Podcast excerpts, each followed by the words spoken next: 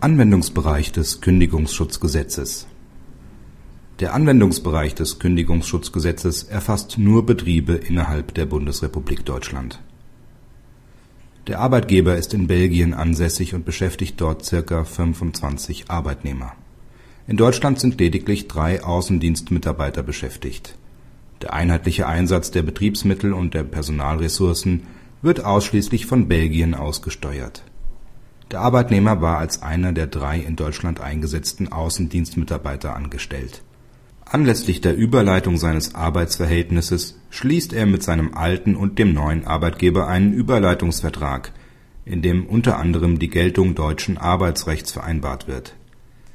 Nachdem der neue Arbeitgeber das Arbeitsverhältnis aus betriebsbedingten Gründen kündigt, erhebt der Arbeitnehmer in Deutschland Kündigungsschutzklage der Arbeitnehmer unterliegt in allen Instanzen, da der Anwendungsbereich des Kündigungsschutzgesetzes nicht eröffnet ist.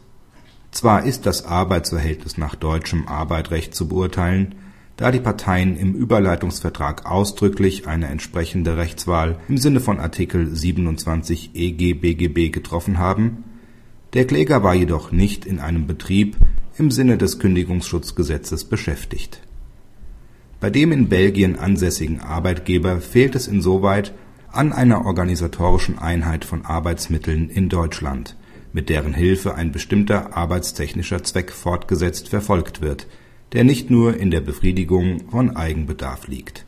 Die in Deutschland beschäftigten Außendienstmitarbeiter begründen auch keine Niederlassung oder Betriebsstätte, da der einheitliche Einsatz der Betriebsmittel und der Personalressourcen ausschließlich von Belgien aus gesteuert wird Jedenfalls aber ist der Schwellenwert nach § 23 Absatz 1 Satz 2 Kündigungsschutzgesetz nicht erreicht, da der Arbeitgeber nicht mehr als fünf Arbeitnehmer in Deutschland beschäftigt.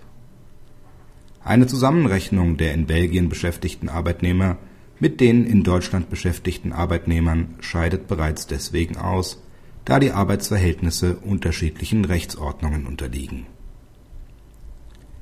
Praxishinweis der Zweite Senat bestätigt seine bisherige Rechtsprechung zum Geltungsbereich des Kündigungsschutzgesetzes.